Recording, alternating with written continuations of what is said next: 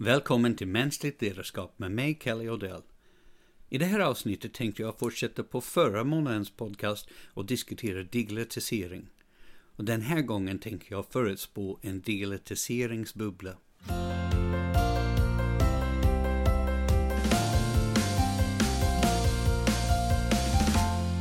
Många kanske redan vet att jag är en av tränare, eller coach som det heter, för min sons amerikansk fotbollslag här i Göteborg. Eftersom det inte är så många föräldrar som har spelat amerikansk fotboll här i Sverige så blir de få av oss som har spelat tränare bara därför. Och jag gillar att hjälpa till och se på när dessa unga människor växer och utvecklas. En sak som har varit särskilt intressant för mig är att följa hur deras spelförståelse har utvecklats under åren. När de började spela för några år sedan kunde de göra vad som helst på planen. Men med erfarenhet blir de allt klokare när det gäller spelet. Jag tycker om att se hur de lär sig att läsa av spelet och utveckla förmågan att se vad som kommer att hända innan den, det verkligen händer. Ungdomar i vårt lag är 14-15 år gammal och vid den här åldern Eh, kan det vara en enorm skillnad i både fysisk och mental mognad. Några av våra spelare är fortfarande mycket små och andra är giganter. Men det spelar egentligen inte så stor roll på plan som man kanske skulle tro. Det som är viktigare är spelarnas förmåga att följa spelet och att vara på rätt plats i rätt tid för att göra en tackling, blocka en motståndare eller hitta hålet i motståndarens försvar. Denna typ av visdom när det gäller spelet är svår att lära ut och är huvudsakligen resultatet av att lära sig av sina erfarenheter. En sak som är rolig med, med att bli lite äldre är att man får mer erfarenhet och lär sig att se mönster. Att åldras är ingen garanti för att man blir visare. Och bara för att man råkar vara ung betyder det inte att man inte är vis. Visdom är inte bara resultatet av erfarenhet. Det är resultatet av att man lär sig från sina erfarenheter. Jag har träffat många unga människor som är visa och lika många äldre människor som verkar inte dragit någon nytta alls av sina erfarenheter. Jag misstänker att jag hamnar någonstans mitt emellan. I vissa områden i livet verkar jag ha funnit en del visdom, men i andra områden verkar jag aldrig lära mig. Ett av de mönster som jag har sett i mitt arbetsliv är att vi verkar ha ett sätt att ta till oss nya teknologier som ofta leder till teknologibubblor. Man skulle kunna tro att en ny teknologi blir utvecklad och att vi implementerar teknologin om den skapar nytta i våra verksamheter. Men verkligheten är mer komplicerad än så.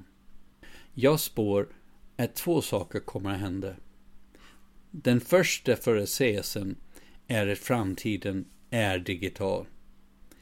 Den här förutsägelsen är inte särskilt svårt eftersom digitalisering redan har krupit in i många områden i våra dagliga liv och allt tyder på att trenden kommer att fortsätta. Men den andra förutsägelsen är kanske inte lika självklar. Jag förutser att vi är mitt uppe i en digitaliseringsbubbla. Och jag kanske inte är guru nog att säga om bubblan kommer att sluta med en smäll eller ett pys. Men jag är säker på att den kommer att dämpas på något sätt. Den 10 mars 2017 annonserade den svenska regeringen skapandet av ett digitaliseringsråd med tio medlemmar som blir ansvariga för att leda och stödja regeringens digitaliseringsstrategi. Mycket av denna digitaliseringsstrategi finns att läsa om, även om den formella strategin ännu inte är kommunicerad. Regeringen vill att alla myndigheter ska bli digitala och har även gett svenska skolor i uppdrag att inkludera digitalisering som en del av skolplanen. Men regeringen är inte ensam i sin iver att digitalisera. I stort sett alla stora företag är antingen mitt upp i att skapa en digitaliseringsstrategi eller redan igång med implementeringen. Så hur får jag ihop mina två förutsägelser? Den ena om att digitalisering är här för att stanna och den andra om att vi är mitt uppe i en digitaliseringsbubbla som kommer att spricka. Ja, erfarenheten säger mig att vi har ett bestämt mönster när vi förhåller oss till ny teknologi. I mitt arbete med förändringsledning har jag sett att vår acceptans av nya teknologier som påverkar vår befintliga arbetssätt och affärsmodeller följer den traditionella förändringskurvan utvecklad av Scott och Jaffe.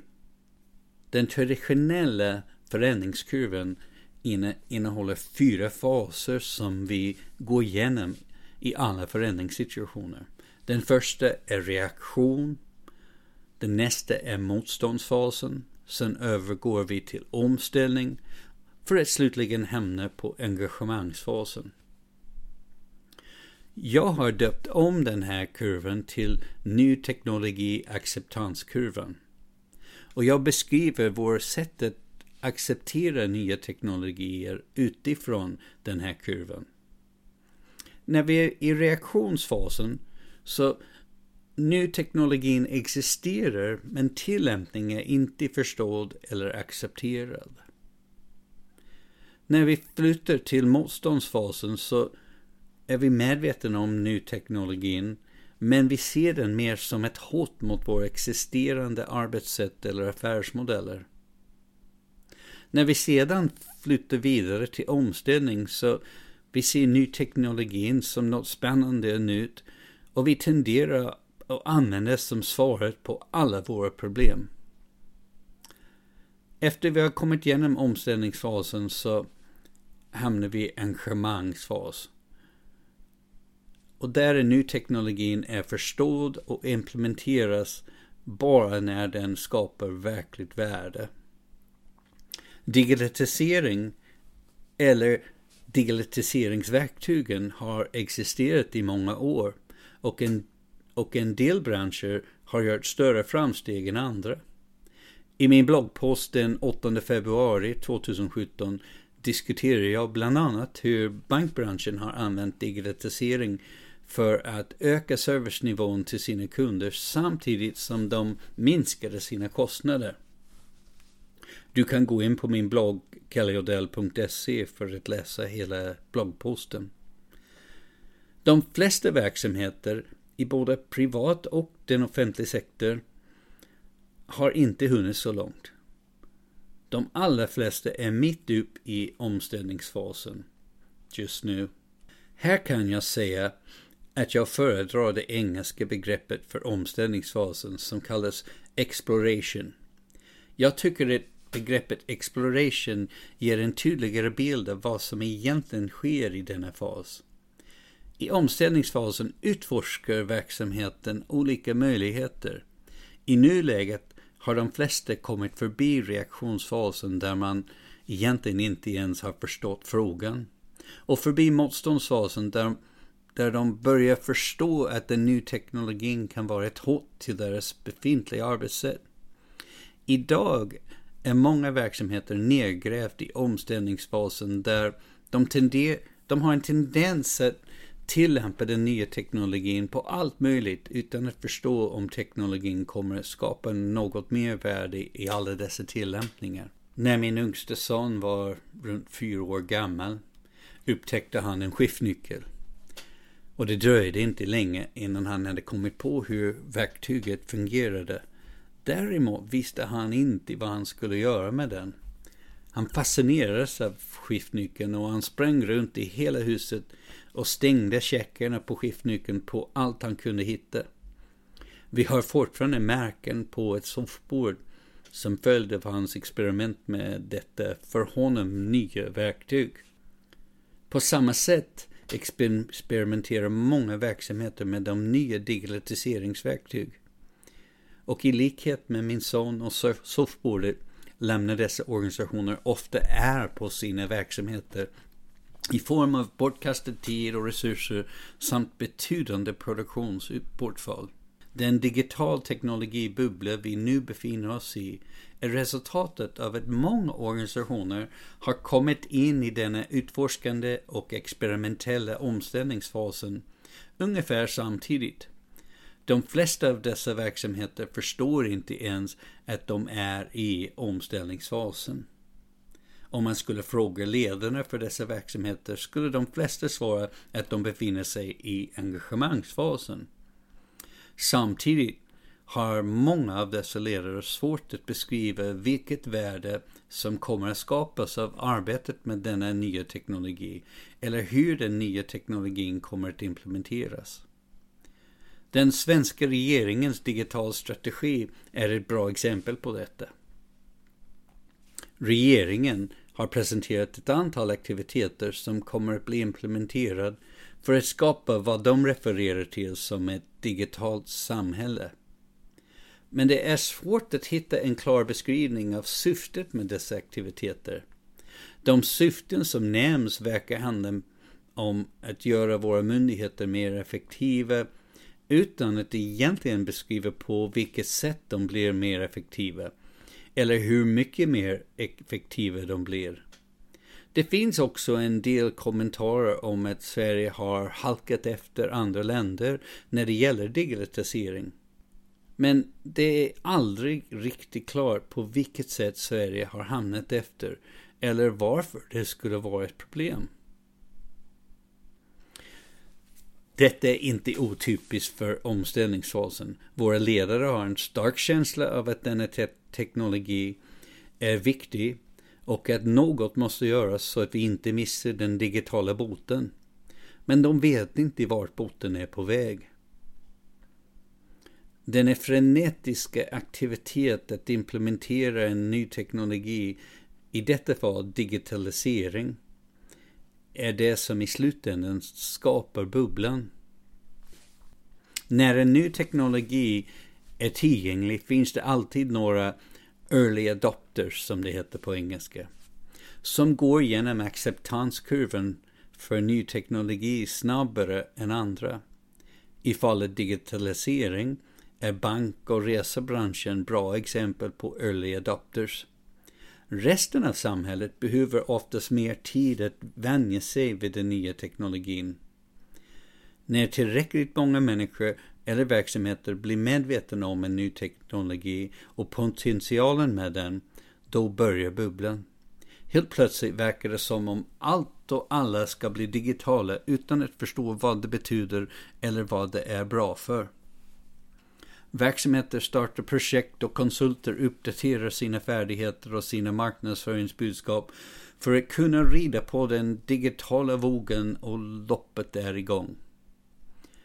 Om du frågar vem som helst kommer de att säga att digitalisering kommer att göra oss mer effektiva och att det är en förutsättning för att hålla sig konkurrenskraftig. Men få kan identifiera konkreta kvantifierbara värden som skulle kunna formuleras till mätbara mål. Jag brukar inte vara den som hävdar att precis alla mål måste vara vetenskapligt kvantifierbara. Men jag tycker att om verksamheter spenderar miljoner eller även miljarder kronor på att implementera en ny teknologi bör de ha en hyfsat god uppfattning om den potentiella avkastning på dessa investeringar. Den vanligaste sättet att presentera förändringskurvan kan få oss att tro att människor alltid flyttar sig vidare till nästa fas när vi har klarat av den fas vi är i nu. Men verkligheten är oftast att vi går tillbaka till en tidigare fas eller att vi går i en regression. Den vanligaste regressionen är att flytta sig från omställningsfasen eller till och med engagemangsfasen tillbaka till motståndsfasen. Det är vanligen resultatet av dåliga erfarenheter. När den nya teknologin inte fungerar som vi hade hoppats eller vi upptäcker att det blir väsentligt mycket dyrare eller mer komplicerat än vad vi hade förväntat oss kan vi befinna oss i en motståndsfas igen. Då bestämmer vi oss för att den nya teknologin inte var bra eller i alla fall inte praktiskt lämpligt. Det är nu bubblan börjar spricka. När ett flertal organisationer har investerat enorma mängder kapital och ansträngning i en ny teknologi bara för att upptäcka att den inte fungerar börjar de dra i handbromsen på projekten. Det börjar ofta med bara ett eller två högprofilprojekt som stoppas. Och detta blir då signalen för alla andra som har funderat på vad, som, vad de ska göra med sin egen röra. På mycket kort tid kan det hända att ett projekt blir inställt lite överallt. Investeringar blir avskrivna och konsulter som tidigare var svåra att få tag på nu är utan uppdrag. De av oss som har upplevt tidigare teknologibubblor känner igen scenariot. Många av oss upplevde internetboomen. Internet fanns i 8-10 år innan de flesta verksamheter visade något riktigt intresse för det. Men sedan skulle plötsligt allt hända samtidigt. Efter att ha spenderat miljarder kronor på olika internetsatsningar stannade vi alla upp, såg, om, såg oss omkring och tänkte det här är helt galet. Den goda nyheten var att när vi hade skakat av oss chocken från våra tidigare misslyckanden lärde vi oss från dem. Våra nästa investeringar var klokare, mer mogna och mer realistiska.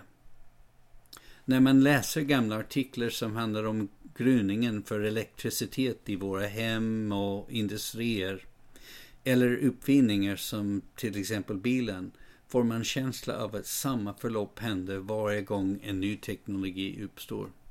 Frågan är om vi inte kunde undvika omställningsfasen och det bakslaget som alltid verkar följa. Kan vi inte hoppa över denna fas och gå rakt på en mer mogen implementering av digitalisering i de områden och tillämpningar där det skapar mest värde? Frestande som denna tanke är misstänker jag att det inte går att hoppa över omställningsfasen helt.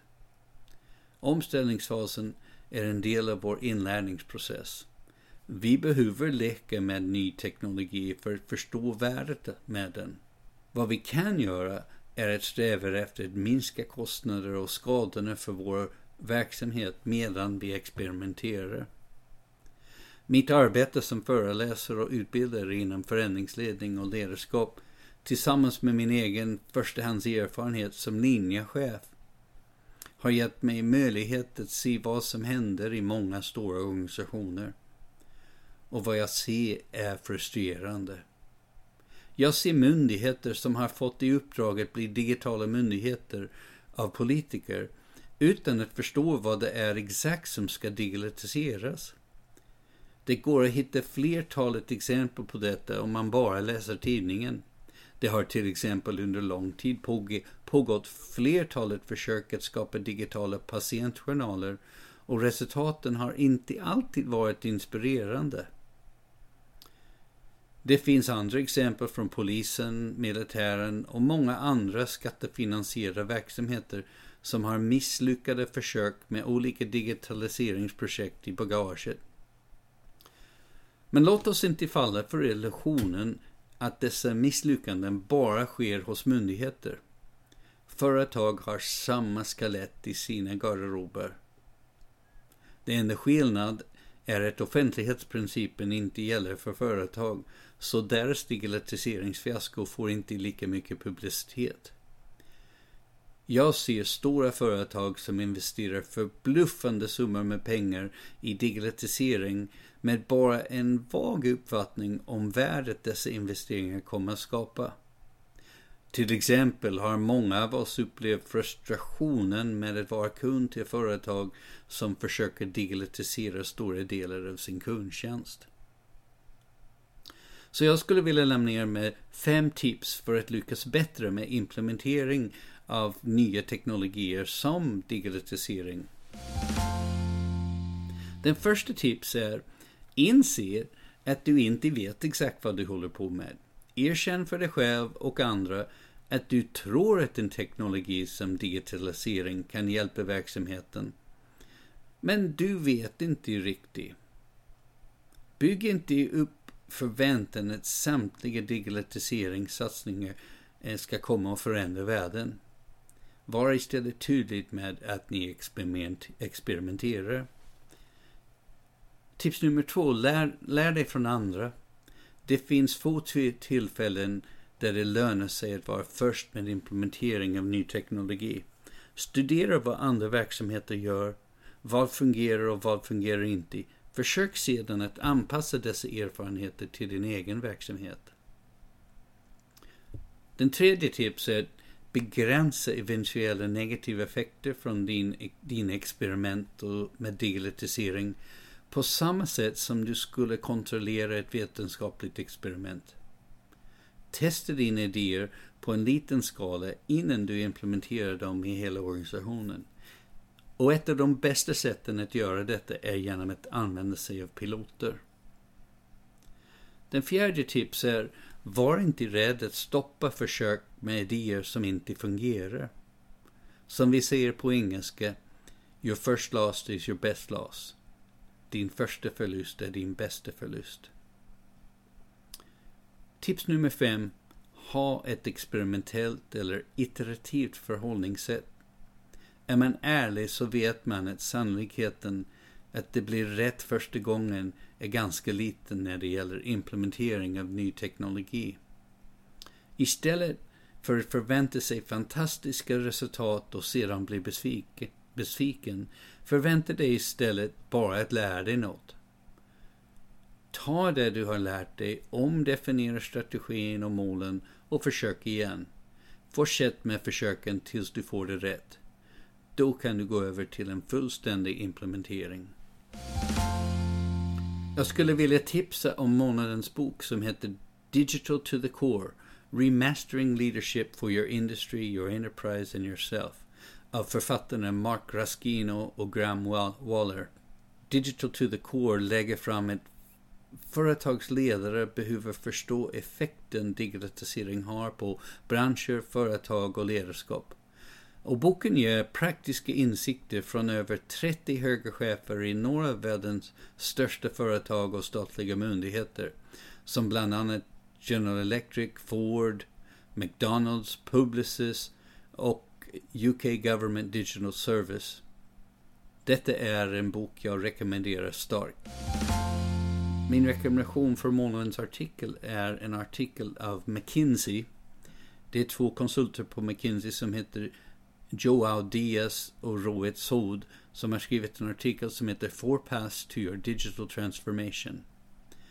Författaren till denna artikel presenterar fyra sätt att skapa digital transformation i din verksamhet.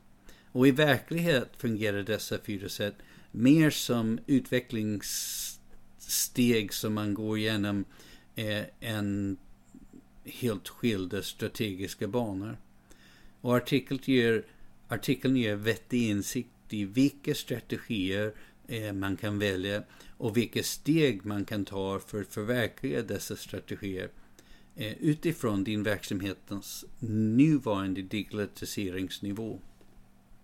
Du kan hitta länkar till både den här artikeln och månadens bok eh, på min hemsida kellyodell.se.